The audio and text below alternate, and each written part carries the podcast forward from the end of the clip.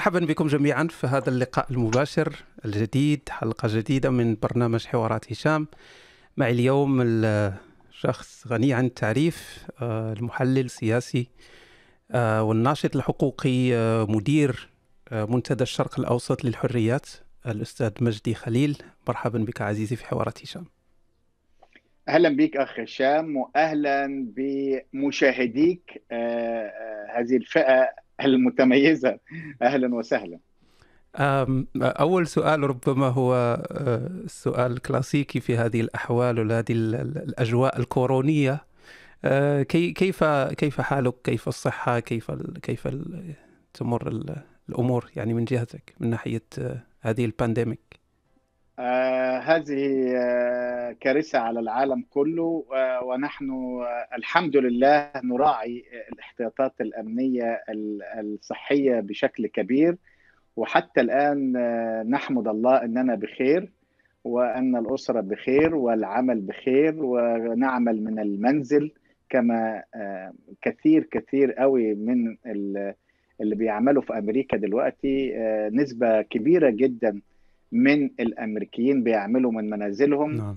وده كمان هتغير أسلوب العمل في أمريكا تقريبا لأن الأعمال عندنا بعتت لنا استفتاء كده للناس الموظفين يعني تحبوا تشتغلوا من البيت مستمرين بعد كورونا ولا يومين في الشغل ولا يوم واحد؟ يعني الآن كورونا بتغير حاجات كثيره جدا بما فيها أسلوب العمل كمان. والحمد لله. نشكر الله. وكذلك يعني ليس في أمريكا فقط يعني حتى في كندا وفي أوروبا نفس الشيء فالناس يميلون نعم. أكثر للعمل في البيت. وكذلك الدراسة الكثير من الطلبة اليوم يدرسون عن طريق ال online teaching يعني التدريس اونلاين ف, ف... نعم. كثير من الأمور أكيد ستتغير. أكيد. أستاذ مجدي كثير من الناس المتابعين ممكن أن يكون عندهم بعض التحفظ على مسألة أنك شخص معروف بأنك مسيحي محافظ. فهل تظن أن هذا كان في يوم من الأيام عائق للتواصل مع مع المسلمين؟ المتدينين المسلمين أو أو, هل هل هل لاحظت أن هناك تغيير الآن في تقبل الرأي الآخر في العالم الإسلامي؟ الحقيقة أنا بعبر عن أفكاري وهي أفكار عامة أفكار عامة تتعلق بما يسميه الهيومن كلاب النادي الإنساني وأنا كتبت مقالة دعوة للدخول إلى النادي الإنساني. والنادي الإنساني له عوامل أن تكون إنسانيتنا المشتركة ومواثيق حقوق الإنسان الدولية هي المعايير التي تربطنا والمحبة للجميع والخير للجميع والتقبل للجميع والتسامح مع الجميع. من يريد أن يدخل في هذا النادي الإنساني ويكون معنا في النادي الإنساني أهلا به. من من لديه تحفظات على هذه المسألة؟ براحته بقى. إذا كان لديه تصنيف آخر في ذهنه هذه مسألة أخرى. لكن في مسألة دايما أنا واجهها من ال ال الإخوة المسلمين وخاصة الملحدين يعني. هم بيتصوروا أن المسيحية زي الإسلام. إن المسيحية ضد العلمانية زي الإسلام وضد الحريات ضد الإسلام. أنا تحضرني مقولة قالها صامويل هانتنجتون قال في الإسلام الله هو القيصر وفي اليابان القيصر هو الله ولكن في المسيحية ما لقيصر لقيصر وما لله لله. بالعكس المسيحية يعني مش أحد أهم سمات المسيحية هو العلمانية. بصرف النظر بقى عن حصل إيه في الكنيسة في العصور الوسطى علشان كده أنا دايما بقول أن الفساد في المسيحية كان فساد شخوص لأنهم بعدوا عن النص اللي بيقول لهم لازم تبقوا علمانيين ما تبقاش في سلطة دينية. أما في الإسلام فالمشكلة في النصوص في الفساد في النصوص. ولكن في المسيحية كان الفساد في الشخوص وما زال هناك مؤسسات كنسية كثيرة فاسدة فيما يتعلق بال الشخوص وليس النصوص. المسيحية تدعو إلى الحريات الكاملة لا يوجد عقاب في الأرض أبدا لأي شيء أبدا. وما يسمى الحرمان الكنسي وغيره وغيره كانت سلطة كنسية فاسدة فاسدة بمعنى الكلمة. والمسيحية تدعو للعلمانية الكاملة. السيد المسيح بما يتعلق بالقيصر قال اعطوا لقيصر لقيصر وما لله لله. وفيما يتعلق بالقضاء قال من أقامني قاضيا عليكم اذا آه آه آه قال أن مملكتي ليست من هذا العالم وقال إن المملكة بتاعتي والمملكة بتاعت العالم متوازيان لا يلتقيان. دي حاجة روحية وهذه حالة مادية. واعملوا اللي أنتم عاوزينه براحتكم في ال... فيما يتعلق بحياتكم العامة. أما مملكتي هي مملكة روحانية وليست مملكة أرضية وليست مملكة سياسية. هذا ما أود أن أقوله للملحدين تحديدا. لأنهم يتصورون هم لديهم إشكالية مع الإسلام. ولكننا بدأنا العلمانية وروجنا للعلمانية وأسسنا منظمات في مصر تدعو للعلمانية وتدعو للحرية وتدعو للتنوير وتدعو للديمقراطية. وأنا مشارك في تأسيس وحقوق الإنسان بالتأكيد. شاركت في كثير من المنظمات هذه شاركت في تأسيس الكثير من هذه المنظمات. وأنا مسيحي. لأن لا يوجد لدي أي تعارض لكن هناك تعارض أساسي بين الإسلام والعلمانية، بين الإسلام والحرية، بين الإسلام والديمقراطية، بين الإسلام نعم. والفردانية. هذا هذا هذا موضوع ربما نعود له مسألة نعم. الإسلام وال في في فترة لاحقة، لكن هل هل هل لاحظت أن هناك تغيير يعني في البدايات مع الآن؟ أنا أنا أنا شخصيا أحس أن هناك بعض التحسن في في علاقة الناس في الوطن الإسلامي مع الرأي الآخر يعني هناك بعض نسبيا بعض التقبل أكثر للرأي الآخر هل هل تلاحظ نفس الشيء؟ في كذا عامل لهذا الموضوع العامل الأولاني التوحش الإسلامي اللي حصل على أيدين داعش والقاعدة وغيرها فتح أعين الكثيرين إلى أن لماذا؟ ليه؟ ليه ده كله؟ وليه؟ وتحت اسم الإسلام وتحت يعني بدوافع دينية بحتة. والحاجة الثانية السلطة السياسية في الدول الإسلامية خافت على نفسها من توغل الإسلاميين لأن الإسلاميين كما تعلم يملكون منابر ملايين المنابر وهي المساجد وهي الميكروفونات هم ماسكين الميكروفونات.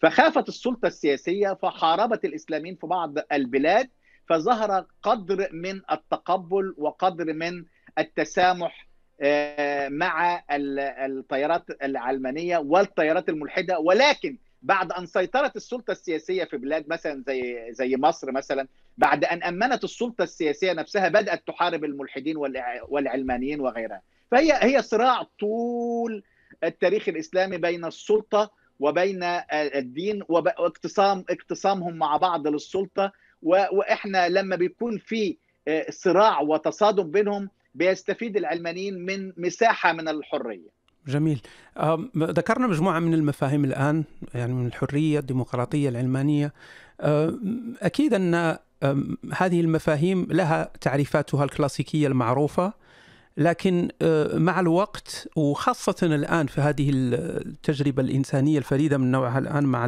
مع الجائحة بدأت بعض المفاهيم بدأت تتغير أو أصبحت نعم. غامضة في مدلولاتها مثلا نعم. مفهوم مثل الليبرالية اليسار اليمين الديمقراطية بنفسها العلمانية ف إذا أمكن يعني باختصار طبعا هو الموضوع كبير ما هي التعريفات الكلاسيكية وما الذي تغير؟ الليبرالية الكلاسيكية كانت بتركز على الحريات والحقوق الأساسية، الحقوق الأساسية أما تطورت بالذات هذا المفهوم مفهوم الليبرالية تطور بشكل سلبي إلى ليبرالية فوضوية. الليبرالية الفوضوية تتعلق دلوقتي سابوا كل الحقوق الأساسية اللي هي موجودة في المواثيق الدولية لحقوق الإنسان واتجهوا إلى حاجات هامشية. ليه؟ لأنهم أنجزوا الحقوق الأساسية في الغرب فاتجهوا إلى الهامشيات زي الإجهاض الغير محدود زي زواج المثليين وبيقول لك ده حق هذا ليس حقا من حقوق الإنسان في المواثيق الدولية ب ب ب في فرق بين عدم اضطهاد المثليين وتركهم بحريتهم ولهم حقوق متساوية زيهم زي الآخرين ولكن هناك فرق بين زواج المثليين وهذا قانون لازم يكون قانون ولازم يكون جزء من عمل سياسي. غير موجود في المواثيق الدولية زواج المثليين غير موجود في المواثيق الدولية إجهاض الجنين. طيب لما أنت بتتكلم عن حقوق المثليين في الجواز اللي بعد يجادلوا فيها هذا الموضوع طب أنت ما قلتش ليه حقوق الأطفال اللي بينشأوا بين زواج رجل ورجل؟ طب أنت تجاهلت طفل ما خدتش ما خدتش رأيه اللي هو الطفل اللي هينشأ بين رجلين نفسيته هتبقى إيه؟ الطفل اللي هينشأ بين سيدتين. نفسيته هتبقى إيه؟ هل حد في الغرب يقدر يقول حملة لقتل الكلاب؟ طب إذا قتلت أجنة في بطن أمهاتهم إزاي ده حق ليك؟ إزاي تعملوا حق حق الإجهاد الإجهاض؟ هذا هذا تطرف تحولت الليبرالية بشكل ما إلى تطرف شديد التطرف وبعدت عن الحقوق الأساسية إلى الحقوق الغير مقبولة. أنا ضد زواج المثليين لأنه غير مقرر في المواثيق الدولية حقوق المثليين على عيني وعلى رأسي. حقهم في عدم التمييز على عيني وعلى رأسي. موجودين في كل مكان على عيني وعلى رأسي. ما حدش يقدر يقرر عدم الإضرار بهم على عيني وعلى رأسي. ولكن الزواج مسألة أخرى. المسألة في الزواج هي بين رجل وامرأة ومن ثم لأنها تقرر اولا حقوق المجتمع ككل حقوق الأطفال اللي ممكن تنشأ بين أسرة مشوهة بهذا الشكل. أما الأجنة اللي بيقول لك الجنين من بعد أيام أو بعد أسابيع يشعر بكل شيء ويتحول إلى شخص يشعر بمن حوله وتقتله وأنت تحافظ على القطة والكلب وفي نفس الوقت تقول أقتل إنسان هذا غير مقبول بالنسبة لي. وبالتالي هذا انحراف في مفهوم الليبرالية انحراف. عشان كده أنا بعرف نفسي وأقول ليبرالي كلاسيكي. ما أقدرش أقول ليبرالي بالمفهوم الجديد في الغرب حاليا. أنا ليبرالي كلاسيكي بمعنى الليبرالي. نفس الكلام في مفاهيم كثيرة تغيرت. قبل قبل أن نذهب للمفاهيم الأخرى لأن أكيد أن هناك من سيعترض على هذا على بعض الأمور. هو حقك هو حقك طبعا ان ان ان تعتقد ما شئت أو تكون لك قناعات مختلفة عن ربما الكثير نعم. من الناس. لكن قد يقول قائل مثلا أنه هذه هذه الليبرالية التي أصبحت الآن تركز على أمور ليست أساسية لكن مسألة الإجهاض هذا كمثال فقط نجد أن اليمين المحافظ الذي يركز على مسألة الأجنة وأنها لماذا نقتل هذه الأجنة وهو ضد الإجهاض لكن ألا تجد أن هناك بعض لا أريد أن نسميه نفاق لكن ازدواجية في في الموقف لأنه لا يهتم مثلا بحياة هذا الطفل بعد أن بعد فترة الجنين، يعني تجد أنه لا يكترث لحقوق كثير من الأطفال المشردين أو الناس الذين يعانون في المجتمع، لكن يركز على هذا الجنين. وكأن فترة الجنين هي الأهم وبعد ذلك ل... ل... هو وشأنه لا يهمنا. هذا خطأ كبير. أنا أنا لا أنتمي لا لليمين المتطرف ولا لليسار المتطرف. أنا بتكلم عن القيم الكلاسيكية التي نشأ عليها المجتمع الغربي والحضارة الغربية. الحضارة الغربية نشأت على ثلاثة أعمدة كبرى. هو التراث الفلسفي اليوناني والتراث القانوني الروماني وقيم الديانة المسيحية، قيم وليس السيولوجي وليس لاهوت الديانة المسيحية، قيم الديانة المسيحية، هذا عند الدارسين العارفين للحضارة الغربية، ومن ثم هذه القيم التي نشأت عليها الليبرالية الغربية، هذه القيم التي نشأت عليها الدساتير الغربية، هذه القيم التي تبناها الآباء المؤسسين للتجربة الأمريكية وصاغوها في دساتير واضحة جدا جدا.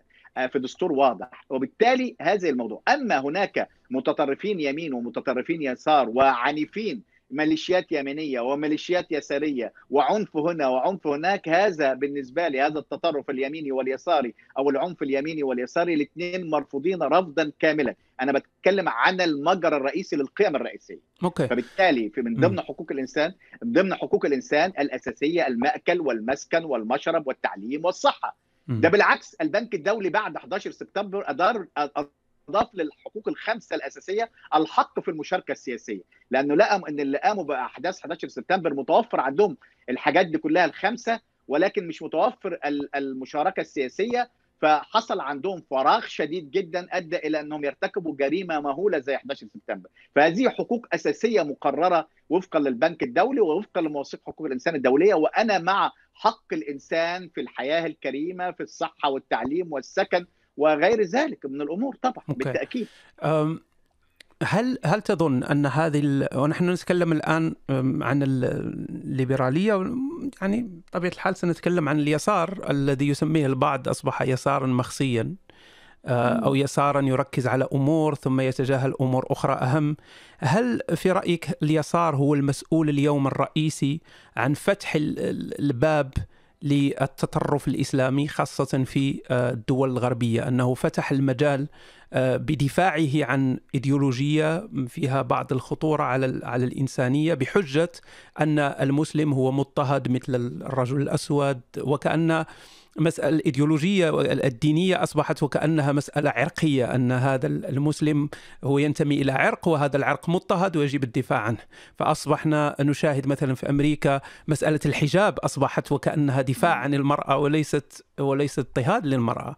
فما رأيك عموما في في في اليسار؟ وما الذي تغير في اليسار؟ لأن اليسار لم يكن معروفا بهذه الطريقة ولكن أصبح الآن وكأنه آه، بدأ بعض الناس الذين ينتمون لليسار يتحرجون من هذا الانتماء إلى اليسار وبدأوا آه، يحاولون أن يجدوا آه، نقاط تواصل مع اليمين حتى لأن اليمين يمثلهم أكثر في بعض المسائل فأصبحوا بين بين. ما رأيك في هذا الأمر؟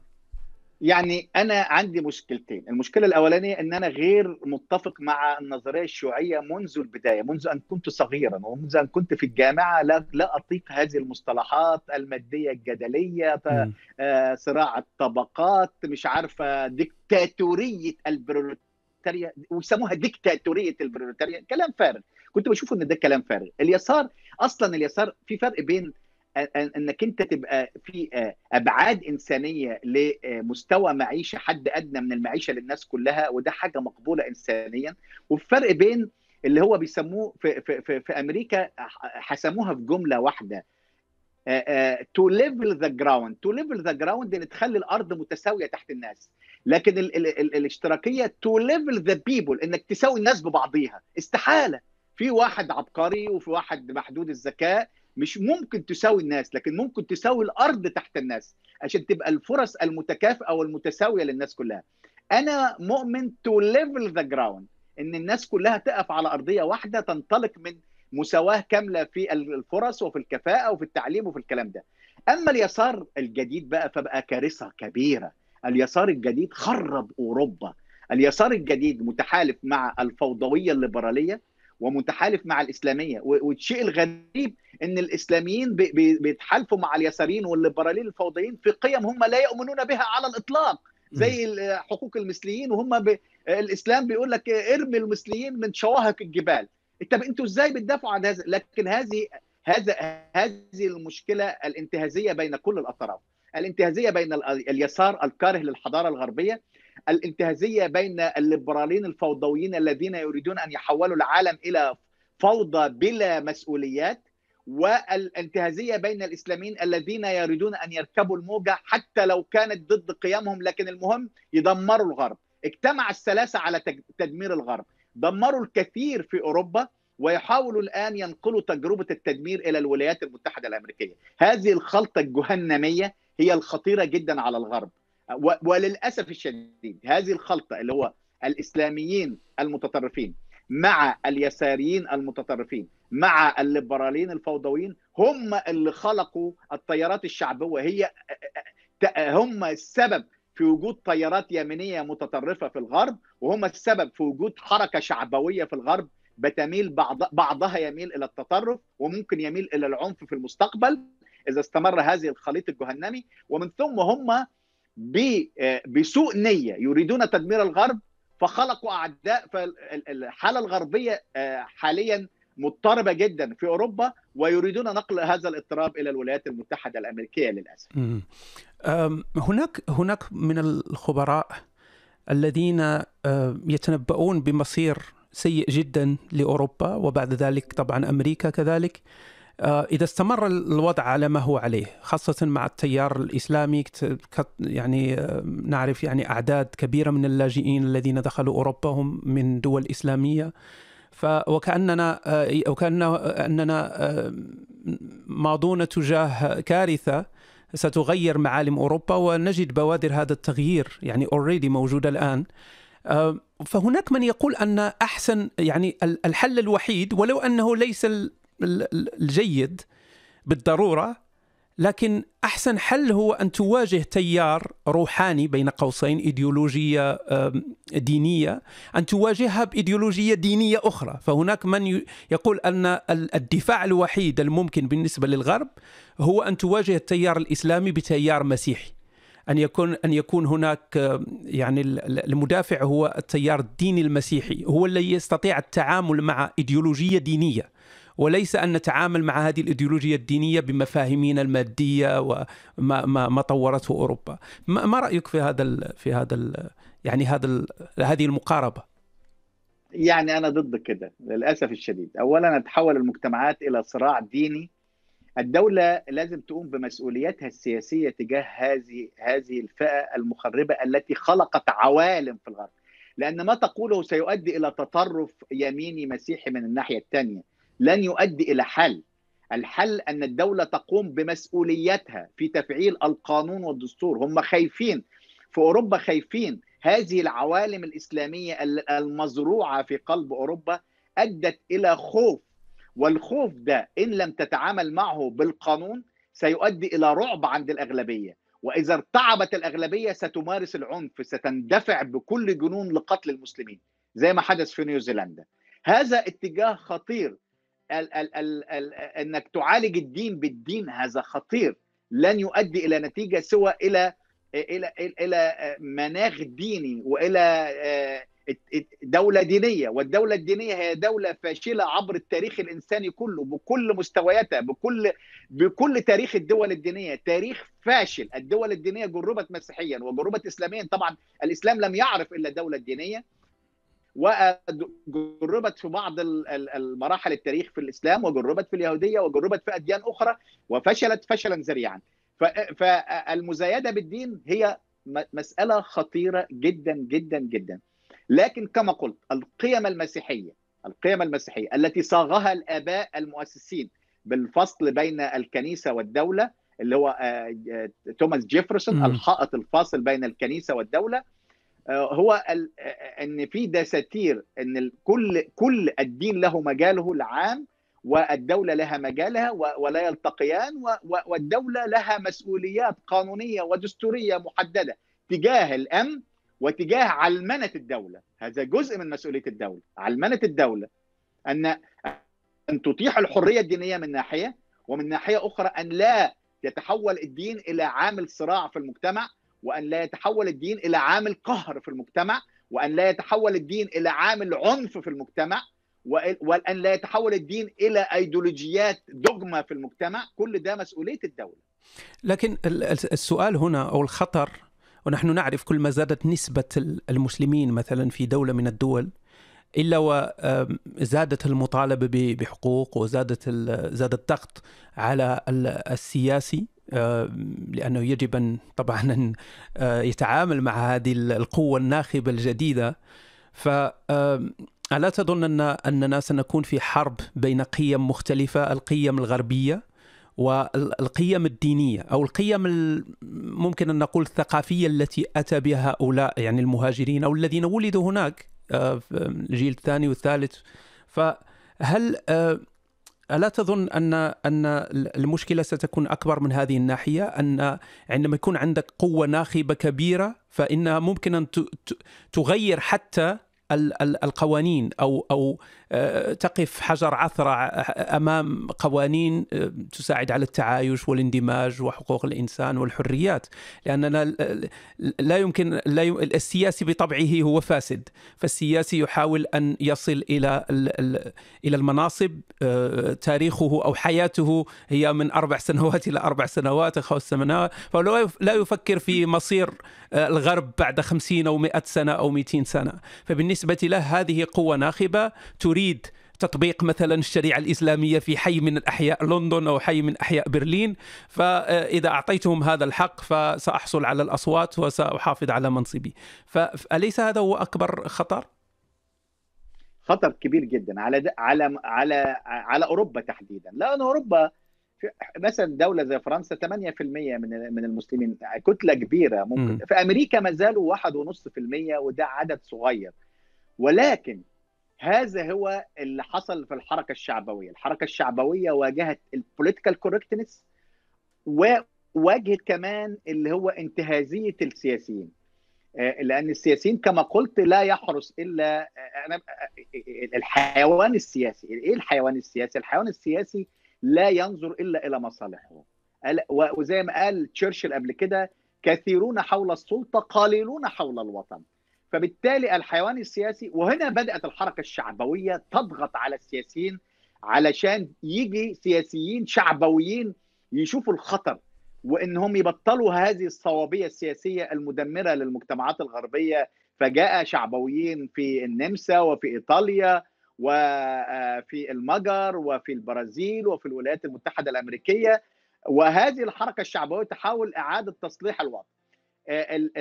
المسألة في المسلمين عموما يعني مش بس الإسلاميين المسلمين لا يعرفون ثقافه سوى الثقافة الإسلامية ولا يعرفون ولاء سوى الولاء للدين. هم متصورين إن الدين هو كل شيء في حياتهم هويتهم وكل شيء. ومن ثم الجزء المعتدل من المسلمين هو مظلوم هو الآخر لأنه مضطهد كمان مضطهد من المسلمين. ودول كتلة مثلا 40 50% من المسلمين. وفي 50% من المسلمين أنا قدرتهم أن المسلمين المحافظين يعادلوا 50% من الشعوب الإسلامية. المفتي بتاع مصر قال أكتر من كده بقى، قال منذ يومين إن الجيل الثاني والثالث في أوروبا 50% منه دواعش. دواعش. أنا بقول إن 50% من المسلمين محافظين على مستوى العالم والتقديرات القديمة قوي 15% من المسلمين متطرفين ده دانيال بايبس عملها من من 25 سنة قدرهم ب 15% وغيره قدروهم بحوالي 15% وأجهزة مخابرات قدرتهم بهذا الموضوع. فعندك 15% من المسلمين على مستوى العالم غرب أو شرق متطرفين. 50% مسلمين محافظين لا يرى دنيتهم سوى في الإسلام وفي قيمه ولا ولا يرون أي أي هارموني بينهم وبين المجتمعات الغربية والقيم الغربية. وفي مسلمين كويسين عايشين مضطهدين ومضطهدين من المسلمين. يعني أكثر المسلمين المعتدلين أكثر مصدر لاضطهادهم هو من المسلمين المتطرفين صحيح. للأسف الشديد. فاذا اذا بهذه النظرة كيف كيف تفسر أن أن الغرب فتح الأبواب؟ يعني نسبيا حسب كل الدول لكن مثلا دولة مثل ألمانيا هل أنجيلا ميركل أو الألمان هل هم ساذجون لهذه الدرجة ليفتحوا الباب لمئات الآلاف من من الناس الذين لهم قيم تتعارض تماما مع قيم المكونة للدولة والتي طبعا كافح من أجلها الكثير من الألمان والأوروبيين عموما، فهل هم بهذه السذاجة أم لهم أجندة أخرى لا نعرفها؟ الاثنين. هم اولا بسذاجه فعلا. يعني واحدة زي إنجيلا ميركل أهم شيء عندها الشيوعية اللي كان مخوفها لحد الآن روسيا هي أهم. تجربتها في الشيوعية ومن أوروبا الشرقية خلتها ومن بنت قسيس وكان في قمع للاتجاه الديني في أوروبا الشرقية خلتها لا ترى خطرا في الحياة إلا من روسيا ومن الشيوعية. زي البابا يوحنا بولس الثاني ما كانش يرى خطرا في الدنيا إلا الشيوعية. ولكن عندما جاء البابا بندكت ونبه إلى أن هناك خطرا كبيرا هاج العالم الإسلامي فاضطر يستقيل ويأتي واحد لكي يلطف الأجواء مع العالم الإسلامي. ففي في في ساذجين في ناس ساذجة. يعني واحد زي بايدن جو بايدن. المرشح. هل جو بايدن لما قال إن يقول للمسلمين من راى منكم منكر فليغيره بيده أو بلسانه أو بقلبه فهذا أضعف الإيمان. هل يعلم بايدن خلفيات هذا الحديث؟ هل يعلم بايدن إن اللي قاموا بأحداث 11 سبتمبر قاموا بيها عشان هذا الحديث تحديدا؟ عشان هذا؟ طبعا ما يعرفش لأن اللي كتبه له مسلم والمسلمين اللي معاه هم اللي صاغوا له هذا الوجدان الفاسد اللي هم الساذج الانتهازي. هو انتهازي في نفس الوقت لأن قالوا له هنديك مليون صوت مسلم في أمريكا. فالانتهازية السياسية مع السذاجة فيما يتعلق بخلفيات الأمور خلته ينطق بهذا الحديث الخطير. ده الحديث ده قنبله في حد ذاته. ويقول كمان إن أنا هدعو إلى تعليم الإسلام في المدارس وده ضد الدستور الأمريكي اللي ما بيعينش ما بيعلمش أديان في المدارس. فيعني هناك خلطة ما بين الانتهازية السياسية عند بعض السياسيين لأصوات المسلمين وما بين السذاجة أيضا لأنه لو يعلم بايدن أن هذا الحديث هو جريمة في حد ذاته هو دعوة للعنف والكراهية. ما كانش قاله بالتأكيد ما كانش قاله ولكنه لا يعلم. نفس الكلام ميركل في في إنجلترا في ألمانيا. لنتكلم الآن ربما بعض الذين المشاهدين معنا هم من المسلمين و ربما قد يعترضون على أننا نتكلم عن. عن تناقض الإسلام مع مفاهيم الديمقراطية والعلمانية والحريات يقولون لا ديننا هو دين ديمقراطي ودين علماني ودين الحريات ويعني ما ما هي الأمور يعني أين هي أوجه التناقض الرئيسيه بين الإسلام والعلمانية والديمقراطية والحريات؟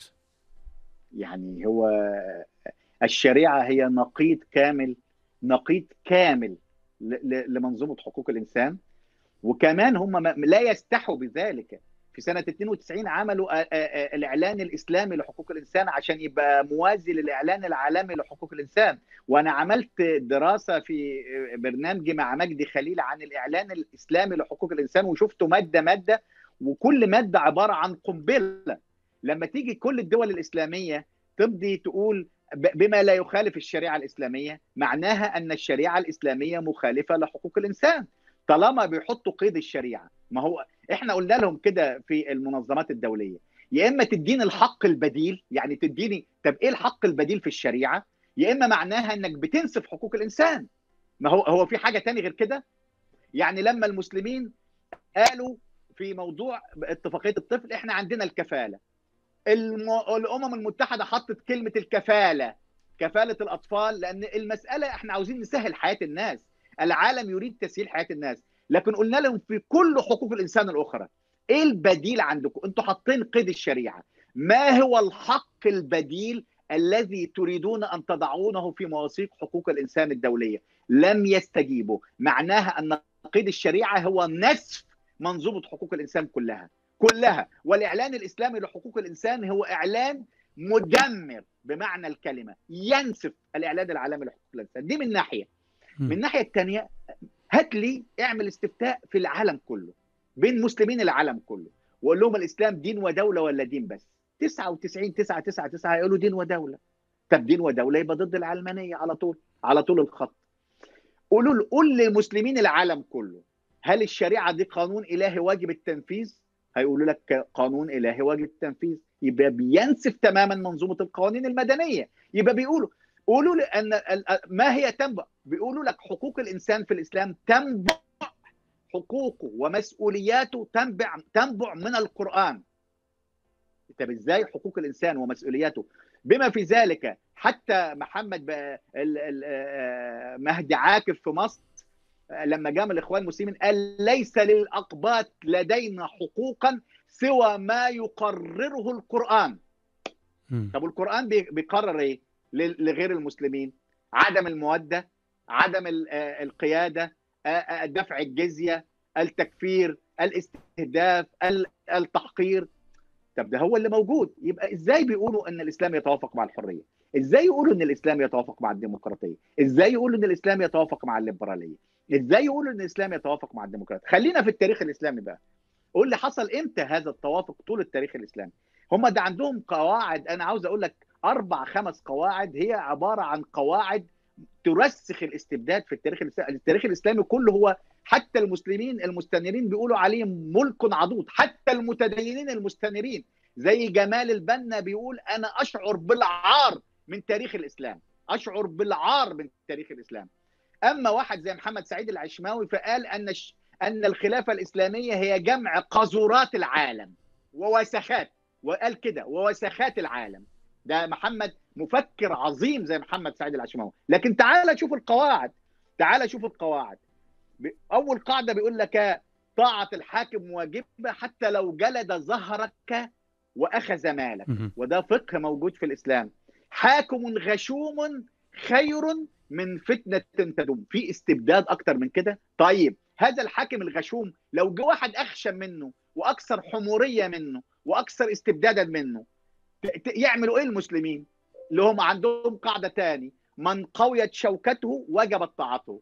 يعني الحاكم المستبد ده لو جه واحد أوسخ منه وطرده يلا اتبعوا الحاكم الجديد. ده قاعدة فقهية. طب في في قاعدة فقهية أكثر. لو جالك أي بلطجي في الدنيا كلها من يعلن الجهاد يلتف حوله العباد. من يعلن الجهاد وده اللي عملوه التتار وعملوه العثمانيين وعملوه وعملوه وعملوه عشان ياخدوا شرعية دينية.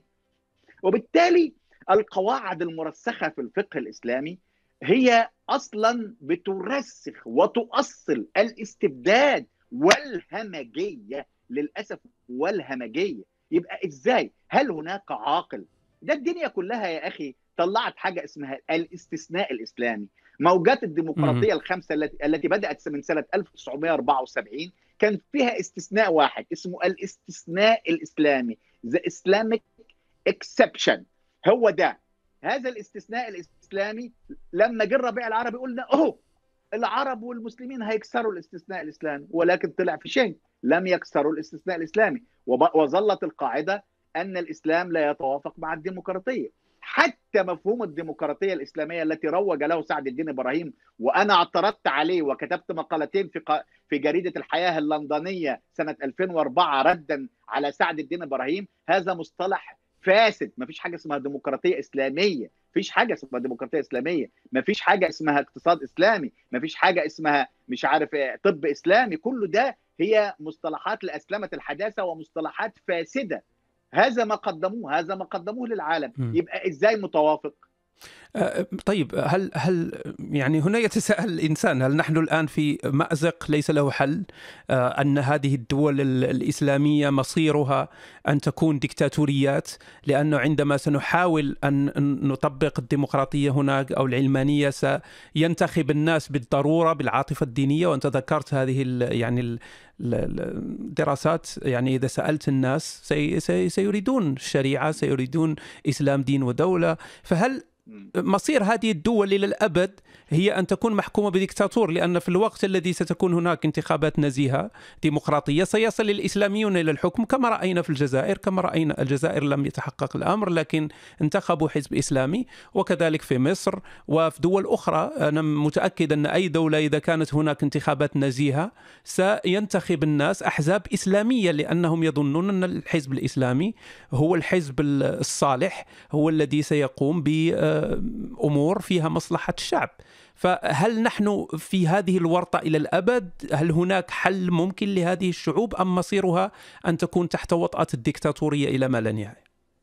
حلو السؤال ده لأنه سؤال جميل فعلا لأن إحنا تجادلنا لأن هذا السؤال محوري في الجدل هل نصلح الإسلام ولا نقطع مع الإسلام؟ هذا هو الموضوع أنا تجادلت مع المرحوم نصر حامد أبو زيد في بيروت سنة 2004 في مؤتمر في بيروت وهو كان بيتكلم على تنقية التراث وأنا قلت له القطيعة مع التراث. لأن تنقية التراث المزايدة بأي شيء أولا لا يمكن تنقية التراث. هتنقي إيه ولا إيه؟ هتنقي إيه ولا إيه؟ والحاجة الثانية إنك لو دخلت بالمزايدة بالتراث مش هتنجح تم... إطلاقا مش هتنجح. عندي وتفاجأت إن من سنتين أن الشاعر الكبير اودانيس قال نفس الكلام القطيعة الكاملة مع التراث الإسلامي.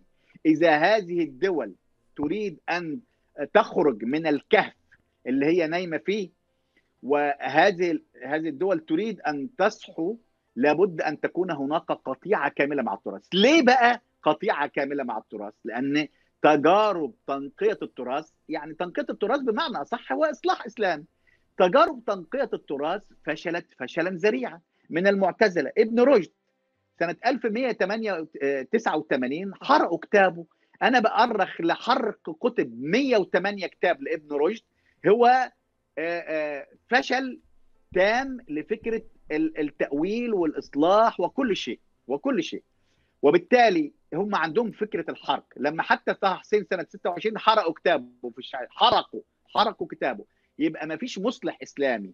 منذ سيبك من المعتزلة إن لها ظروف خاصة حاكم ساعدهم وحاكم اضطهادهم فلها ظروف خاصة. لكن خلينا في مفكر كبير بحجم ابن رشد. منذ ابن رشد وحتى إسلام بحيري لا يوجد مفكر. يا إما قتل يا إما سجن يا إما حرقت أفكاره يا إما همش يا إما يشوف اللي اتعمل في محمود محمد طه وفرج فوده ونجيب محفوظ وفي كله كله كله كله حصل لهم مآسي كبيرة. وحتى اللي بيفتخروا بيهم العرب يقول لك ابن الهيثم ابن مش عارفة مين كلهم دول أنتوا كفرتوهم. أنتوا بتفتخروا بيهم ليه؟ اولا هم مش عرب هم دول من الموالي من حضارات كانت قائمة بالفعل. ثانيا كفرتوهم. ليه تفتخروا بإنجازاتهم؟ أنتوا كفرتوهم. أصلا لو سبتوهم بعقلهم كانوا حاولوا يعملوا إصلاح للإسلام. أنتوا ما اديتهمش الفرصة إنهم يفكروا بالعقل وأن يضعوا العقل كما قال المعري لا إله كذب الظن لا إله سوى العقل. لو سبتوا الناس دي تفكر للعالم الإسلامي كان العالم الإسلامي انطلق حاليا وبقى في حاجة تاني. فانتوا منعتوا هذا الموضوع. لا يوجد طريقه لإصلاح الإسلام ولكن قطيعة كاملة مع التراث الإسلامي. هذا هو الحل. إنك تعمل فيض تحاوطهم بمجال علماني وتفرض عليهم الحداثة فرضا فرضا وهم لما يلاقوا أكسجين الحرية لما يشموا أكسجين الحرية ممكن يطلعوا من الكهف بتاعهم ويشعروا إن في مشكلة في الكهف. إحنا بنتنفس أكسجين بنتنفس ثاني أكسيد كربون جوه الكهف بتاعنا. طب ده في حاجة حلوة ممكن نتنفسها في الخارج. هيطلعوا بقى. لكن أنت طول ما أنت حاططهم في الحضانة الإسلامية وحضانة التراث الإسلامي وحضانه القرآن والسنة ومش عارف إيه ومش عارف الكلام ده كله. وإنت حاطط تديهم ثاني أكسيد كربون عقلهم فاسد. المشكلة ال mindset. ال mindset بتاعهم ده مرة مأمون فندي كتب حاجة لطيفة في صحيفة الشرق الأوسط قال ما إحنا محتاجين نغير ال software بتاع العقل المسلم أو العقل العربي. نغير ال software. هذا ال software فسد فسد منين؟ من الدين. تحديدا. طيب أنت ذكرت نقطة هامة وهي مسألة الفرض من الخارج اننا أن ممكن أن يكون هناك تأثير عمودي يعني من الأعلى. هل وهنا سأدخل في في موضوع آخر لكن له علاقة وهي أننا كلنا شاهدنا هذا الحدث الكبير مؤخرا وهي مسألة التطبيع مع إسرائيل. أن بعض الدول طبعت مع إسرائيل وهناك دول الآن تنتظر يعني lining up دورها. تنتظر دورها في الصف للتطبيع مع إسرائيل والكل يعرف. هذا هذا هذا سر عام يعني public secret الناس كلها تعرف أنها لي أن المسألة مسألة وقت.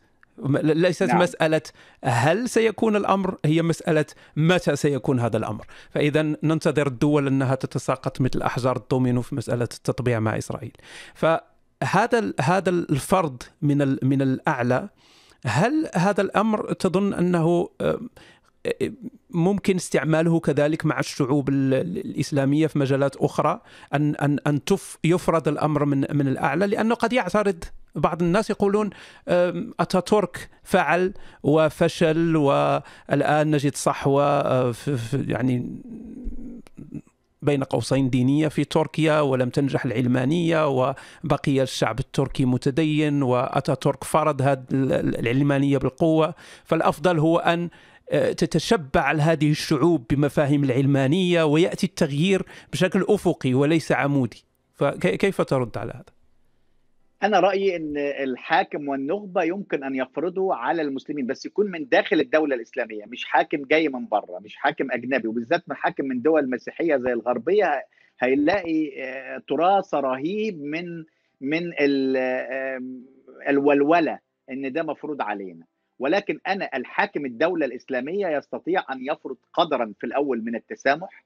عارف تجربة اتاتورك لو هو إدى قدر من الحريات والتسامح والحريات السياسية كانت نجحت مشكلة أتاتورك إن عنده هو أصلا قومي متطرف. مشكلته إنه قومي متطرف ومشكلته إن هو كان بيحكم بالحديد والنار. لكن إذا لو كان فرض قدر من المشاركة السياسية وقد حتى لو كان قدرا محسوبا وقدر من الحريات وقدر من التسامح الديني. هو كان يكره المسيحيين ما كانش يسمح بحريه العقيدة ما كانش في حرية عقيدة في تركيا.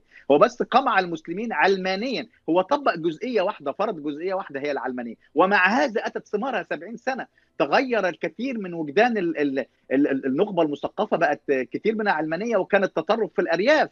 وجاء أردوغان ويريد الآن فرض الإسلامية. يعني لولا اردوغان هو مش مش مش مش الإسلامية كانت عميقة في في في, في الوجدان التركي. هذا مش صحيح. ده ده أتاتورك قطعهم من الخلافة إلى العلمانية مرة واحدة. قطيعة مرة واحدة. من الخلافة إلى العلمانية ونجحت 70 سنة. نجحت على الأقل في تربية وجدان علماني. ده حتى أردوغان بيقول أنا علماني ما يقدرش يقول أنا مش علماني. ومع هذا وبالتالي ممكن أن تنجح. في التجربة في الإمارات نجحت بعض الشيء. يعني انت بتشوف الحاكم هو. يعني هل انت تشوف مثلا تجربة الإمارات زي تجربة مصر؟ لا. مختلفة. مصر متعصبة جدا وفيها تطرف ديني. لا. غير محدود عشان الأزهر وشراكة الأزهر في الحكم وشراكة مش عارف إيه. هل المغرب مش أفضل شوية من الجزائر؟ أفضل شوية من الجزائر.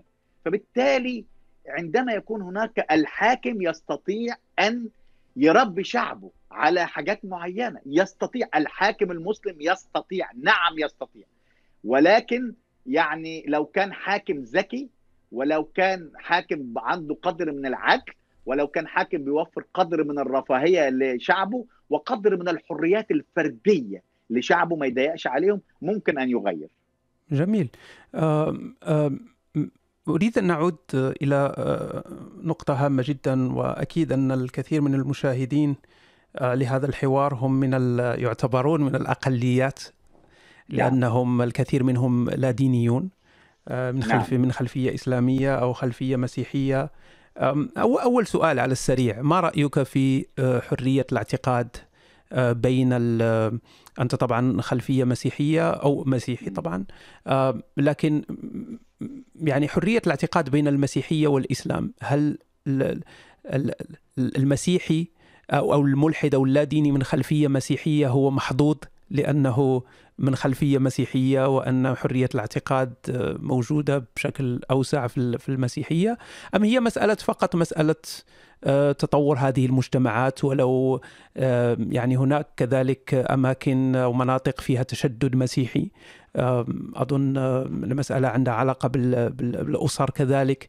فالملحد أو اللاديني من خلفية إسلامية لا يعرف الكثير عن الملحد أو اللاديني من خلفية مسيحية. فما كيف هو الحال من من منظورك؟ يعني في التجربة التاريخية والتجربة الحالية والنص الديني. فيما يتعلق بالنص الديني المسيحي يتيح الحرية كاملة. لا نقاش في هذا كاملة.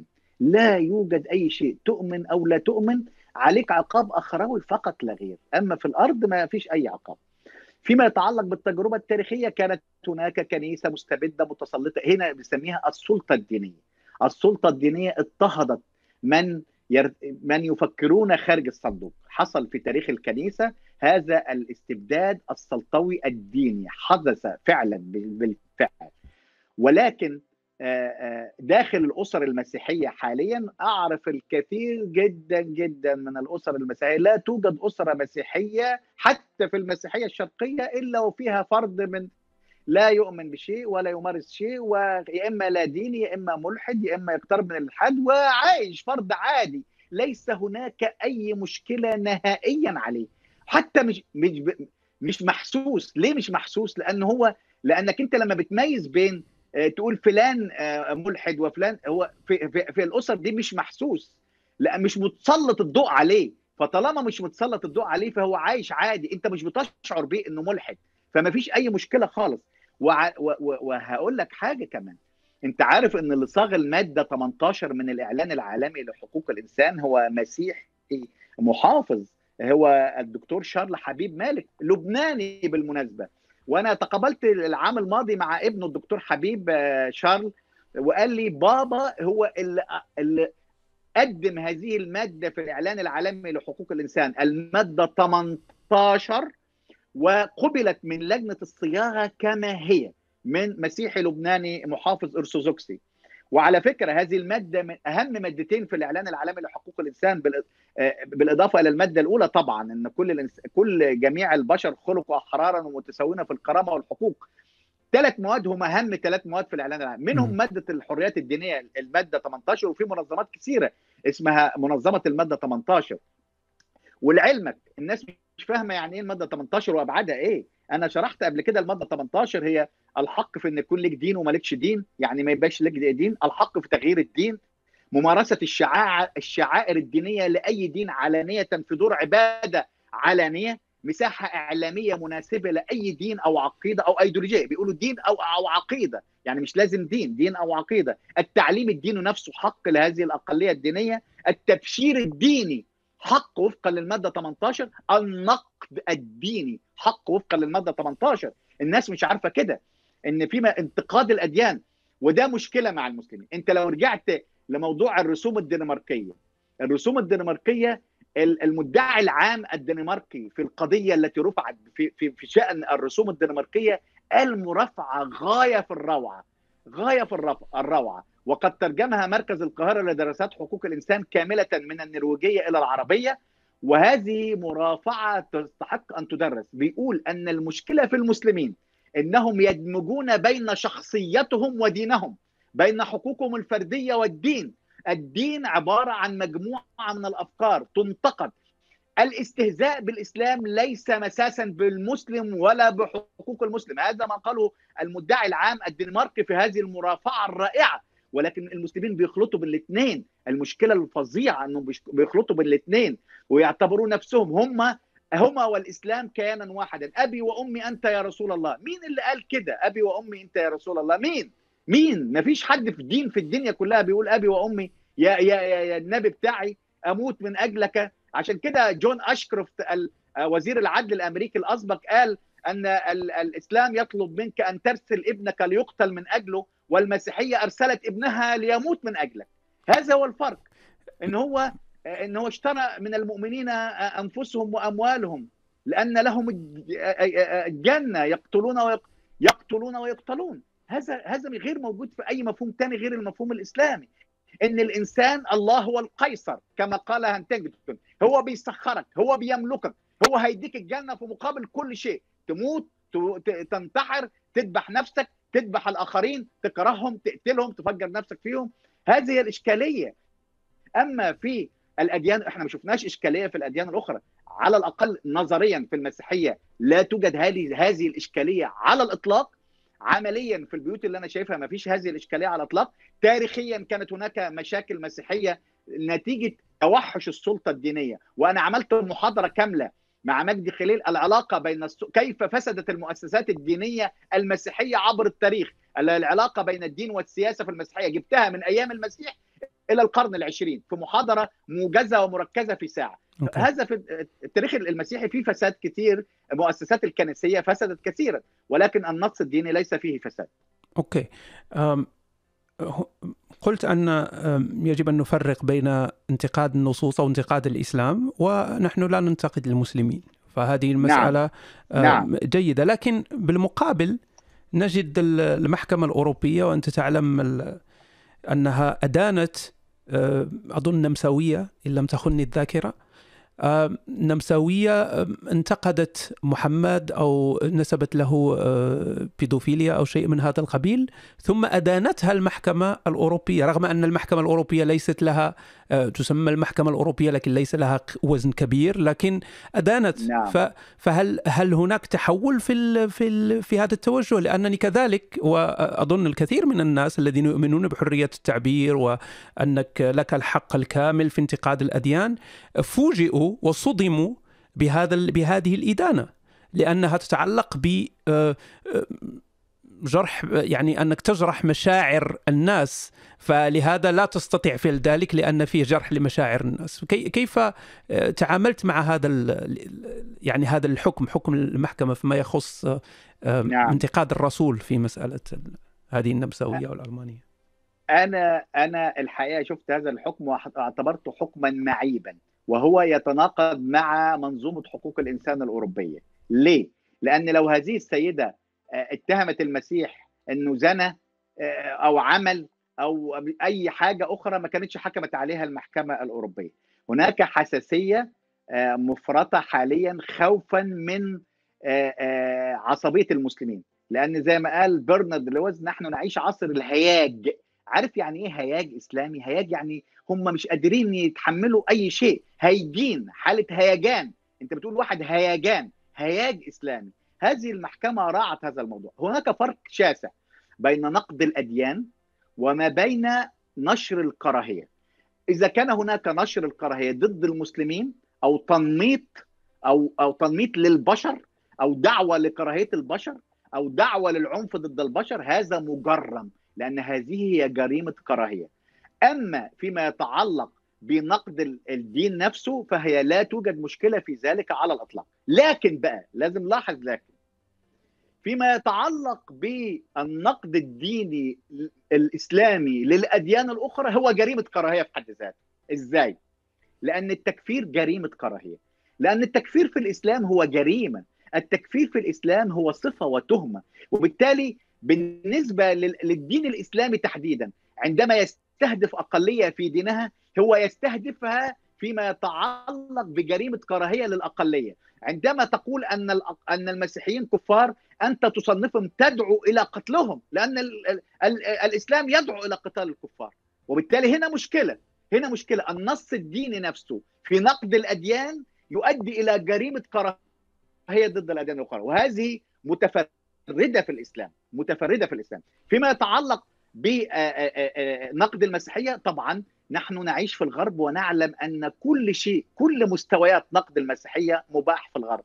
ولا اعتراض على ذلك ولا هيجان ولا قتلوا حد ولا عملوا حد رغم أن مجتمعات أغلبيتها مسيحية. لأن ما فيش مشكلة. لأن لأنهم يرون أن نقد المسيحية هو نقد لدين ولا يقترب من المسيحيين أنفسهم. واستقرت الفكر الأوروبي والفكر الغربي على ذلك. فيما يتعلق بالمسلمين نتيجة الجرائم التي ارتكبوها على أرض أوروبا في مسألة النقد الديني فأصبحوا حساسين.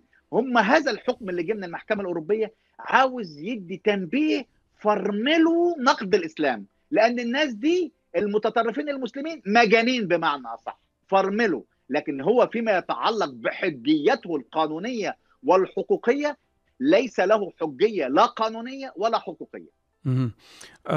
وصلت الكثير من الأسئلة وفتحنا باب الأسئلة الآن. فهذه ستكون أسئلة المشاهدين. فرجاء يعني الناس الذين لم يطرحوا أسئلة الآن تكون في في الموضوع ونحن أظن أن تكلمنا عن مواضيع متعددة. فسهل طرح سؤال في في في الموضوع. لكن استوقفني سؤال اللي ربما فيه بعض الهجوم على شخصك لكن أظن نعم. أنك تستطيع الإجابة وهو أن يقول هو يعني ليس سؤال بالضرورة لكن مثل حكم على شخصك. أنك تقول أنك مسيحي أنت أنت مسيحي متطرف لكن آه، لا آه، وكأنك لا تحس بذلك أنك أنك مسيحي متطرف لكن تحاول أن تظهر بصورة المسيحي المسالم الذي يريد التعايش الذي يريد الإنسانية كيف ترد على هذا؟ يعني آه، هذه كذب إسلامي هو هجوم إسلامي للأسف الشديد هذه كذب هل أنا دعيت للكراهية؟ هل أنا دعيت للعنف؟ هل أنا دعيت لأي شيء؟ هل أنا عملت أي شيء ضد المسلمين أنفسهم؟ لا ما فيش حاجات زي كده. هم كانوا مثلا في مصر يقولوا ده طائفي مجرد إن أنا بدافع عن الأقلية المسيحية بيقولوا عليا طائفي. كتبت مقالة واسعة وحطيت 18 فرق ما بين الطائفي وبين الوطني وأثبتت إن أنا بدفاع عن أقلية مضطهدة أنا وطني وهم المتطرفين الذين يريدون لا يريدون أي صوت. نفس الكلام. هم أعماقهم الداعشية تتهمني بأن أنا مسيحي متطرف مجرد لأن أنا مسيحي وبعلن أن أنا مسيحي ولا أخجل من مسيحيتي ولا أخجل من قبطيتي ولا أخجل من أن أنا بنتقد الإسلام لأنه يمس حياتي وحياة آخرين. الحياة قدسية الحياة الإنسانية. يستهدف. في في حقوق في حقوق الإنسان هي الحقوق اللصيقة. أهمها الحق في الحياة. لأنها هبة من الله. الحق في الحياة هو هبه من الإسلام يستهدف الحق في الحياة. نقدي للإسلام ليس للدين كعقائد وعبادات. أنا بتكلم على الإسلامية الدولية وعلى الإسلام الدولة وعلى الإسلام التاريخ وعلى الإسلام الإرهاب. هذا الذي بنتقده. نقدي لهذا يقول لك يجي من مسيحي كمان. لا يجي من مسيحي. وحق هذا هذا حق ليا. لأنه بيستهدفني في حياتي. وحياة الأقلية والشعب الذي ينتمي إليه اللي هو أصل مصر اللي هو أصل مصر. الأقليات في الشرق الأوسط هي أصل الشرق الأوسط. الأمازيغ الأقباط الكلدان السريان الأشوريين الفينيقيين هم أصل هي الشعوب الأصلية هي الشعوب الأصلية. عندما يستهدفون ويريدون أن يمحوا تاريخنا وهويتنا وديننا ويضطهدوننا يوميا وبعد ذلك إذا دفعنا وقلنا أن الإسلام هو مصدر اضطهادنا هو مصدر اضطهادنا وهو سبب اضطهادنا. يقول لك مسيحي متطرف. مسيحي متطرف في ذهنك انت لأنك لا تريد أن أحد أن ينتقد الإسلام لا تريد أحد أن يرفع راية حمراء ويقول stop here stop here هنا ما نقدرش نتسامح مع هذا التطرف. فالاسلامي والعنف الإسلامي يقول لك مسيحي متطرف. لكن إيه أوجه يقول لي وجه واحد للتطرف المسيحي اللي هو شايفه اللي عاوز يتكلم يتكلم بكلام بقى له دلائل. له دلائل. أنا بعتبر نفسي راجل مسيحي مؤمن بمسيحيتي ولكنني محب للإنسانية بنتمي للعالم للنادي الإنساني. بدعو كل المسلمين والمسيحيين والبوذيين كلهم إن يدخلوا في النادي الإنساني. إنسانيتنا المشتركة أن الإنسانية وجدت قبل أن توجد الأديان وبالتالي هذا اللي بدعو إليه ادي لي 30 سنة مش النهارده. لكن عاوزين أخفي مسيحيتي عشان أنت ترضى عني طب ما أنا مسيحي. أنت أنت عرفت إن أنا مسيحي لأن أنا قبطي أصلا. يعني أكون قبطي إيه؟ ما أنت عرفت إن أنا مسيحي أصلا. فمش هقدر أخفيها أصلا. أوكي. سؤال آخر. يقول حين حين تريد إلغاء وجود دين لمليار ونصف من الناس مع من ستتحاور؟ وهل ثبت في التاريخ أن إلغاء لوجود إلغاء لوجود تم بهذه الطريقة. أنا عمري ما دعيت إلى إلغاء الدين. مين يقدر يلغي الدين؟ الدين حق لكل إنسان في الدنيا. حق الاعتقاد هو حق أساسي وراسخ لكل بني آدم في الدنيا. ولكن حق الاعتقاد هو علاقة شخصية عمودية بينك وبين الله بتاعك. هو بينك وبين ربنا.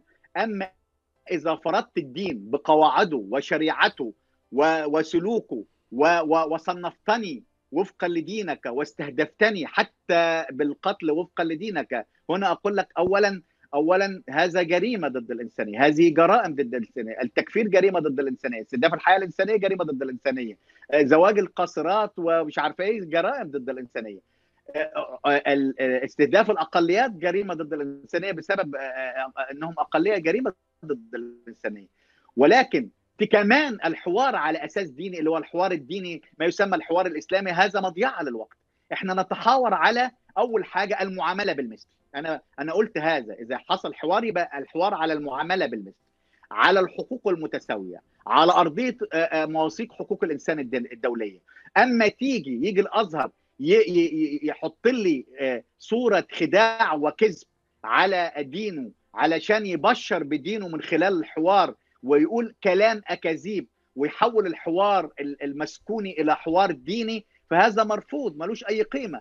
عندما يأتي لكي يرفع يقول إن في إسلاموفوبيا ويحذر من الاسلاموفوبيا هذه كذبة. الإسلاموفوبيا دي كذبة كبيرة وإرهاب للمفكرين وإرهاب لنقد الإسلام.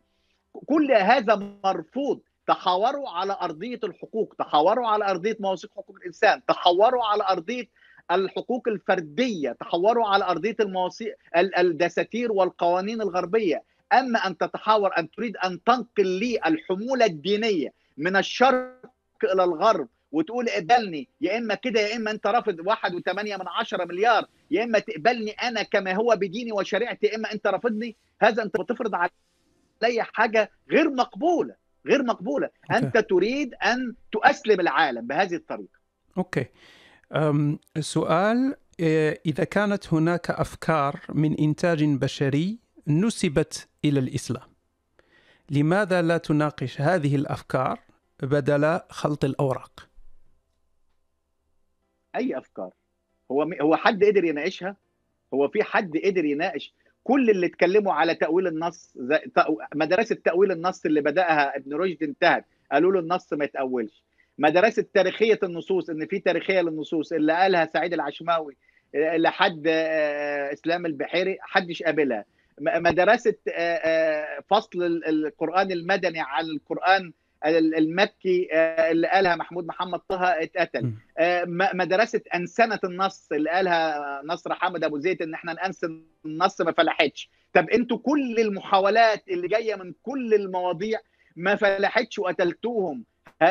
أنا هحاوركم إزاي؟ ومين اللي يقول إن النص ده إنساني وبشر؟ أنا يهمني أنا يهمني إنسانية النص. هل مقبولة انسانيا؟ هل متوافق مع المواثيق الدولية؟ ماليش دعوة إن النص نزل إلهي ما نزلش إلهي. كتبوا إنسان ما كتبوش إنسان. أنا مش هدخل أبحث في دينك أقول مين اللي كتبه ده؟ ده نص بشري وده نص إلهي. أنا لا أعترف إن النص ده كله نص إلهي. أنا لا أعترف بالنص ده إنه نص إلهي أصلا من الأساس. لكن اعترف ان إحنا ممكن على ارضيه انسانيتنا المشتركه نتحاور فيما يتعلق بالحقوق المشتركه. هذا ال... هذه الارضيه المشتركه الوحيده اللي ممكن نتقابل عليها. لكن لا تفرض عليا ان أنا اعترف بدينك. لا تفرض عليا ان إن الدين بتاعي دين إلهي. ماليش دعوة. الأديان كل دين بينفي الدين الآخر. وإلا لو دين بيقبل الدين الآخر كاملا كان أتباعه اعتنقوا هذا الدين. كل دين بينفي الدين الآخر نفيا كاملا. وبيعترف كل دين يقول أن هي عقيدته المتفردة هي العقيدة الصحيحة. وبالتالي ده هو صلب الإيمان الديني. لا تدخل الإيمان الديني في المسائل الإنسانية. لا تفرض علي مسائل غير مقبولة في العقل الديني ولا الوجدان الديني. العقل الديني مسيطر عليه الإيمان المتفرد. ده كل الأديان كده. ومن هذا علشان كده أي حاجة دينية أنا أرفضها. نتقابل على أرضية حقوقية على أرضية إنسانية على أرضية قانونية ودستورية. هذه هي المساحات المشتركة بيننا. أوكي. هل تعتقد أنك تعتمد منهجية علمية في مناقشة أفكار الآخرين لكونهم مختلفين معك أو عنك؟ ألو؟ تسمعني الآن عزيزي؟ ألو؟ ألو؟ ألو؟ أم. يا سنحاول اولا. ألو؟ ألو عزيزي تسمعني؟ أنا أسمعك الآن. أوكي اذا كان مشكلة ربما من الموقع.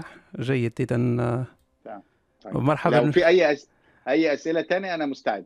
آه نعم مرحبا من جديد. آه أوكي آه هو كان السؤال آه ربما ننتقل إلى سؤال آخر لأن الأسئلة كثيرة. آه أهلا وسهلا. آه هناك يعني يقول السؤال للذين ينظرون إليك كأحد منظري حرب صليبية بغطاء فكري ألا ألست تعطيهم الدليل على صحة ادعائهم؟ منين بقى بديهم الدليل؟ أي دليل؟ أنا أطرح السؤال فقط هي نفس الكلام هو هو اعاده هي نفس الإعادة اكترار لسؤال واحد هو كل واحد بيعيده نفس بطريقه ثانية يعني إيه أديهم أي دليل اللي عنده دليل يقوله. هو مشكلتهم زي ما قلت إن هم بيغتاظوا إن واحد مسيحي يتناقش في مسائل إسلامية. هذه هي هذه هذه هو محور الموضوع كله. ربما هو النقد النقد اللاذع يعني لل... لأن أنا أنا أنا كذلك أنا أفهم جيدا عندما تتكلم عن الإسلام أنك تقصد الإسلام لكن أحيانا قد يتبادر إلى الذهن أنك لك عداء شديد ضد المسلمين عامة فأنت لا تنتقد الإسلام فقط هذا غير صح... هذا غير غير صحيح بالمرة. أنا لا أكره المسلمين على الإطلاق. على الإطلاق. ودي طبعا لي أصدقاء لا أول لهم ولا آخر آلاف من المسلمين أصدقائي طبعا. لا لا في فرق بين المسلم والإسلام. فرق شاسع. ولكن هم بيتصوروا إن المسلم والإسلام كتلة واحدة كما قلت. وده هي دي المشكلة. متصورين إنك أنت تنتقد الإسلام وهو الأديان مجموعة أفكار. هم متصورين إنك أنت ومش بيصدقوك. لو تقول لهم لأن هو هو أصلا في اللي اللي, عنده الكراهية تجاهك ده هو الكراهية بتعمل عينين هو مش بيصدقك لأن هو بي بيفكر بعين فيها كراهية. اللي بيفكر بعين فيها كراهية لا يمكن يصدقك ولا يمكن يصدقك إنك بتفصل بين الإسلام والمسلمين هو مش هيصدقك. لكن أنا بفكر بالعقل وان الكراهية مؤذية. لا يمكن ما أقدرش اكره حد لأن لو ما كرهت كرهت الناس هتبقى مشكلة عميقة علي أنا شخصيا مش على غيري. الكراهية هي تؤذي صاحبها قبل ما تأذي أي آخر أي حد آخر. ولكن من الرسائل اللي بتجيلي أنا قلت أنا طلعت في الجزيرة من على الأقل على الأقل لحد ثلاث أيام كنت رصدت حوالي 20 ألف شتيمة في حلقة واحدة في الجزيرة. على اليوتيوب وعلى الفيسبوك بتاع البرنامج وعلى التويتر. أكثر من 20 ألف شتيمه على شخصي على أساس إن أنا قلت بس إن أنا بتكلم عن ال... عن الإرهاب الإسلامي وعن الأصولية الإسلامية وعن التطرف الإسلامي وعن الإسلامية الدولية وليس لي علاقة بالدين كعقائد وعبادات. وقلتها في بداية البرنامج. ومع هذا جالي 20 ألف شتيمه على الأقل. على الأقل. طب أنت تتعامل مع الناس دي إزاي؟ هتتعامل معاهم إزاي؟ مهما قلت لهم مهما شرحت لهم هو يفكر بعقل الكراهية ومن ثم من ثم يعتبر إن كل الناس بتفكر بنفس عقله. هو أيضا يريد استهدافنا جسديا ولكننا لكنه لا يستطيع أن يصل إلينا فيستهدفنا باللسان وفقا للوصية باليد أو باللسان وبيستهدفنا بالقلب بيدعو علينا. ناس كثيره تقول لي أنا أطلب من الله أن لا تتوب ابدا حتى أراك متعذب. أنا سأركبك يوم القيامة. أنا حاجات من هذا وبتجيلي كمان على ال inbox بتاع ال inbox بتاعي في الفيسبوك. إذا إذا كان بيفكروا بهذه العقلية أنت تتعامل معاهم إزاي؟ هذه العقليات الكارهة لنفسها التي تح... هي أنا أنا سميتها hatred clubs المساجد تحولت إلى hatred clubs نوادي كراهية. hate hate hate hate clubs hate نوادي كراهية. hatred thinking تفكير بالكراهية. هيت كلابس نوادي كراهية. هذه المساجد لما تتحول إلى المساجد إلى نوادي كراهية هل تتوقع من روادها أن يكونوا إنسانيين؟ إلا من سمت إنسانيته على الكراهية اللي عنده. وهناك من تسمو إنسانيته على على طوفان الكراهية اللي جاي له من التراث الإسلامي فبيبقى إنسان. ومن يتجاوب مع تراثه؟ بس. أه أوكي.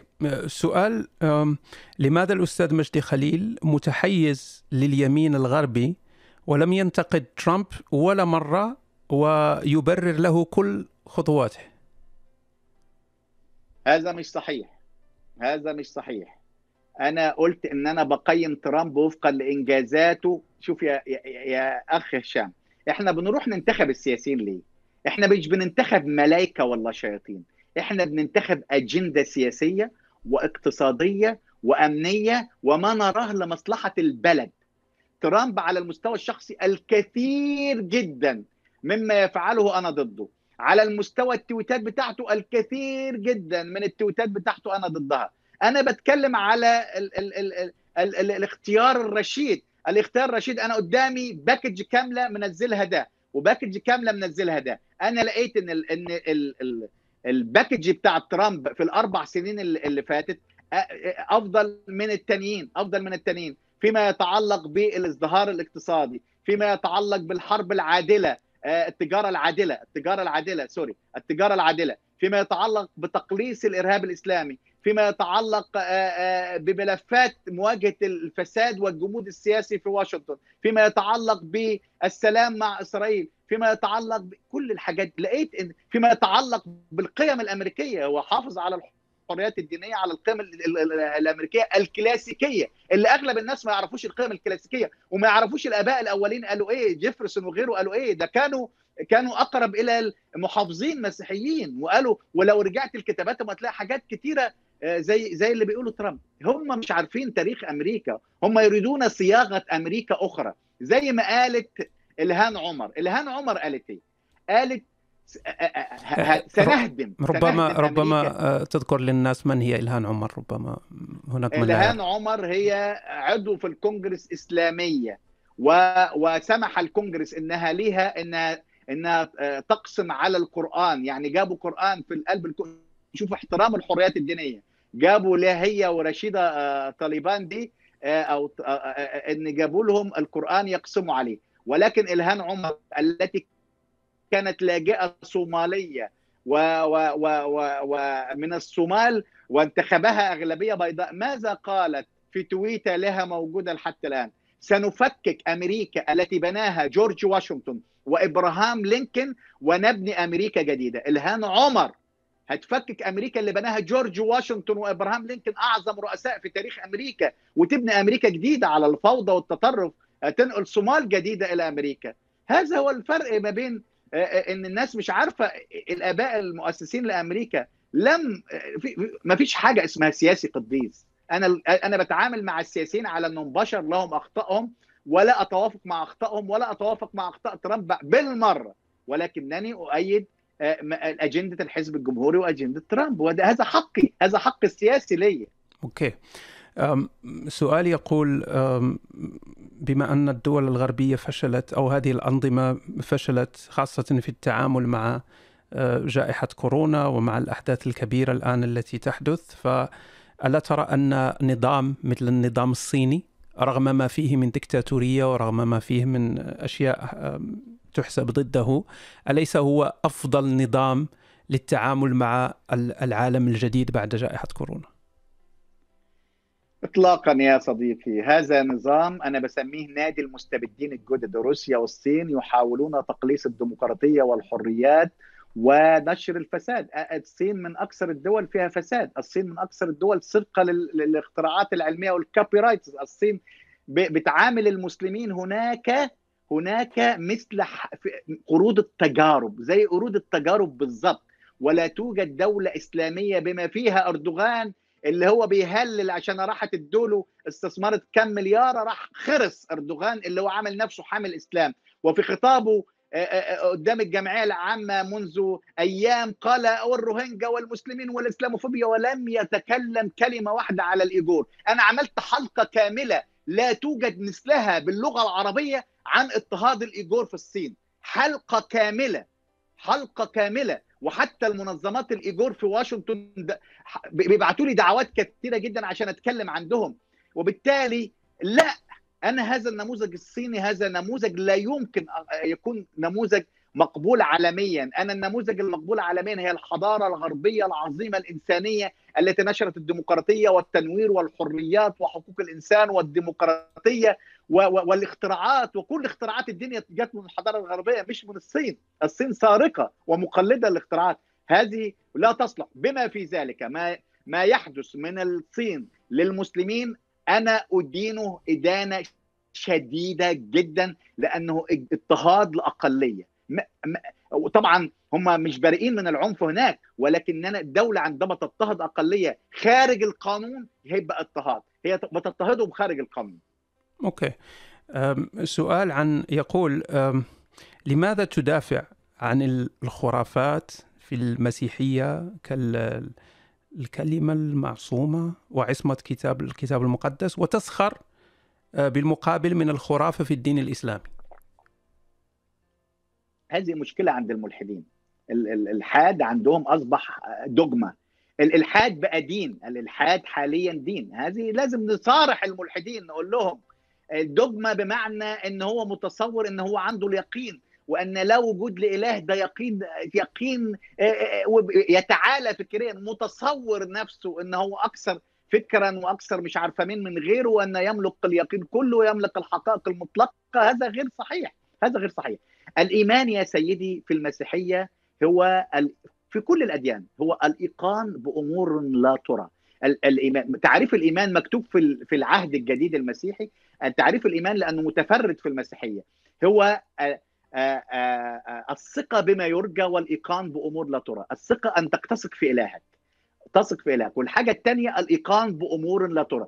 كلمة الإيقان بأمور لا ترى دي مشتركة في جميع الأديان. أن الإيمان هو إيقان بأمور لا ترى. حاجات كتيرة لا تراها وتؤمن بها المشكلة بقى هل إيمانك يؤذي الآخرين؟ هل إيمانك يمنعك أن تكون عضوا فاعلا في المجتمعات؟ هل إيمانك يمنعك من أن تكون علمانيا؟ هل إيمانك يمنع يمنعك أن تكون ناشطا حقوقيا تدافع عن نشاط الناس؟ هل يم... هل إيمانك يمنعك أن تكون خيرا تحب الناس؟ هل إيمانك يمنعك أن تكون انسانا نبيلا؟ هذه هي المواضيع الأهمية للبشر دي المواضيع لإنسانيتنا المشتركة. أما إيمانك الداخلي اللي بينك وبين ربنا في أمور غير لا لا تستطيع أن تثبتها بالعقل المجرد. نعم كل الأديان كده فيها أمور لا تستطيع أن تثبتها بالعقل المجرد ولكن المحك الأساسي في تصرفك كإنسان.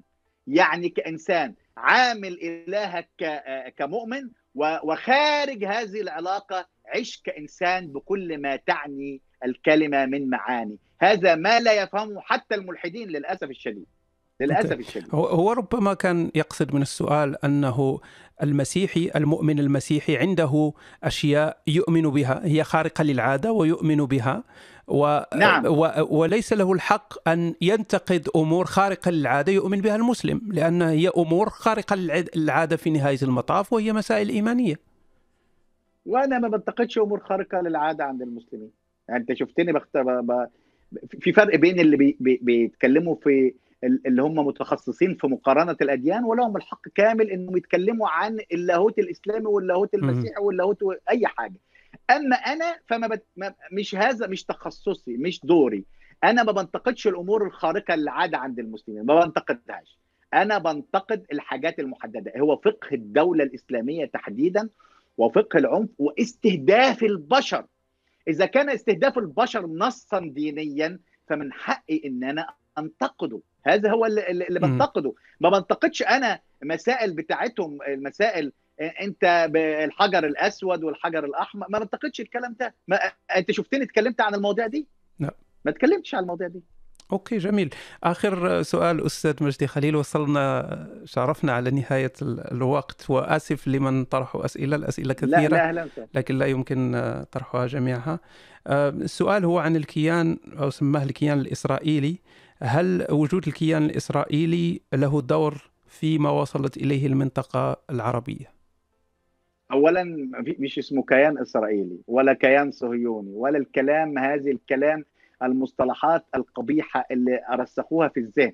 دي دولة إسرائيل معترف بها من 163 دولة في العالم وشوية دول إسلامية مهمشة ملهاش قيمة هي اللي مش معترفة بيها. واخد بالك؟ فبالتالي دي دولة دولة دولة. الحاجة الثانية إن مش دولة محتلة. هذه هم مش مش عارفين قانون دولي ولا درسوا القانون الدولي ولا درسوا مواثيق حقوق الإنسان الدولية ولا درسوا أصلا مقررات مجلس الأمن. توصيف القضية اسمها نزاع على أرض. وده المشكلة الفلسطينية دي خربت العقل في الشرق الأوسط. هي نزاع على أرض من سنة 47 قرار التقسيم هو نزاع على أرض ما قالوش دولة بتحتل دولة. قالوا دول بيتنازعوا على حتة أرض نقسمها بينهم. العرب رفضوا التقسيم. وبعد كده رفضوا ورفضوا ورفضوا ورفضوا كامب ديفيد 1 وكامب ديفيد 2 ورفضوا كل حاجة. يبقى هنا نحن نتكلم عن نزاع على الأرض. حتى قانونين قرارين مجلس الأمن اللي هم أهم قرارين في تاريخ الأمم المتحدة قرار 338 و242 و338 هم قالوا إن ت... إن إسرائيل ت... ت... تسيب أراضي أراضي ما قالش كل الأراضي أرض احتلتها واليهود صاغوا القرار اليهود صاغوا قرار مجلس الأمن أراضي احتلتها سنة 67 ووثيقه ما تسمى صفقة القرن ما تسمى صفقة القرن هي السلام والازدهار هي هذه الوثيقة قالت إن إحنا تخلينا عن 88% من الأراضي اللي احتلنا اللي احتلناها سنة 67 يبقى اولا هم طبقوا قراري مجلس الأمن المهمين 338 و 242 هما نزاع على أرض بين شعبين وليس احتلالا وليس كيان صهيوني. اليهود موجودين في هذه الأرض منذ آلاف السنين. هذا حقهم هذه أرضهم هذه وطنهم هذا تاريخهم. قبل كل الناس دي قبل العرب قبل المسلمين قبل ما يجوا سنة 638 ويحتلوا هذه الأرض. فبالتالي لازم الناس تشوف تشوفوا الصورة من الناحيتين. لو شفتوا الصورة من الناحيتين هم كانوا بيحاولوا يفرضوا علينا ناحية واحدة بس كاذبة وحولوها إلى بروباجندا ولو ما آمنتش بيها تبقى أنت ضد فلسطين وضد مش عارف إيه. لكن أنا أفتخر إن من أنا وأنا في مصر مؤسس في جماعة كوبنهاجن للتطبيع مع إسرائيل مع المرحوم لطفي الخولي قبل أن اهاجر إلى الولايات المتحدة الأمريكية. أنا مع التطبيع قبل الهجرة إلى أمريكا وبفتخر بذلك. وكتبت يمكن المقالة الوحيدة في جريدة الأهرام اللي نزلت لي كاملة في تاريخي كتبتها سنة 1997 أنها التطبيع مع إسرائيل خطوة تأخرت كثيرا. وبالتالي أنا هذه الأفكار أؤمن بها قبل أن آجي من مصر وبعلنها رغم تجريم هذا الموضوع في مصر ولا أخشى شيء سوى أن أنا أقول ما أؤمن به. هذا هو الموضوع. وبالتالي لا كيان ولا غير كيان هم اللي صنعوا من القضية تخريب للشرق الأوسط. عطلوا الديمقراطية عطلوا التنمية عطلوا حقوق الإنسان. كانت سندا وزادا للمستبدين لا صوت يعلو على صوت المعركة لا صوت يعلو على صوت فلسطين. وكل من قالوا هذا خربوا بلادهم لم يساهموا في في في في مساعدة الفلسطينيين ولكن ساعدوا في نشر الاستبداد والفساد وانعدام الديمقراطية والحقوق في الشرق الأوسط، هذا هي مأساة الشرق الأوسط أنهم استغلوا قضية من أجل مصالحهم السياسية. أستاذ مجدي خليل أشكرك جزيل الشكر على تلبية الدعوة وعلى هذا اللقاء الجميل. وأتمنى لقاءك مرات أخرى لأن المواضيع كثيرة والوقت قصير. أهلا وسهلا بك شكرا على الاستضافة. أتمنى أن أكون جاوبت على بعض هواجس المتابعين. أشكرك عزيزي. شكرا لكل من تابع الحوار وألقاكم قريبا في حوار جديد من حوارات هشام. تحياتي.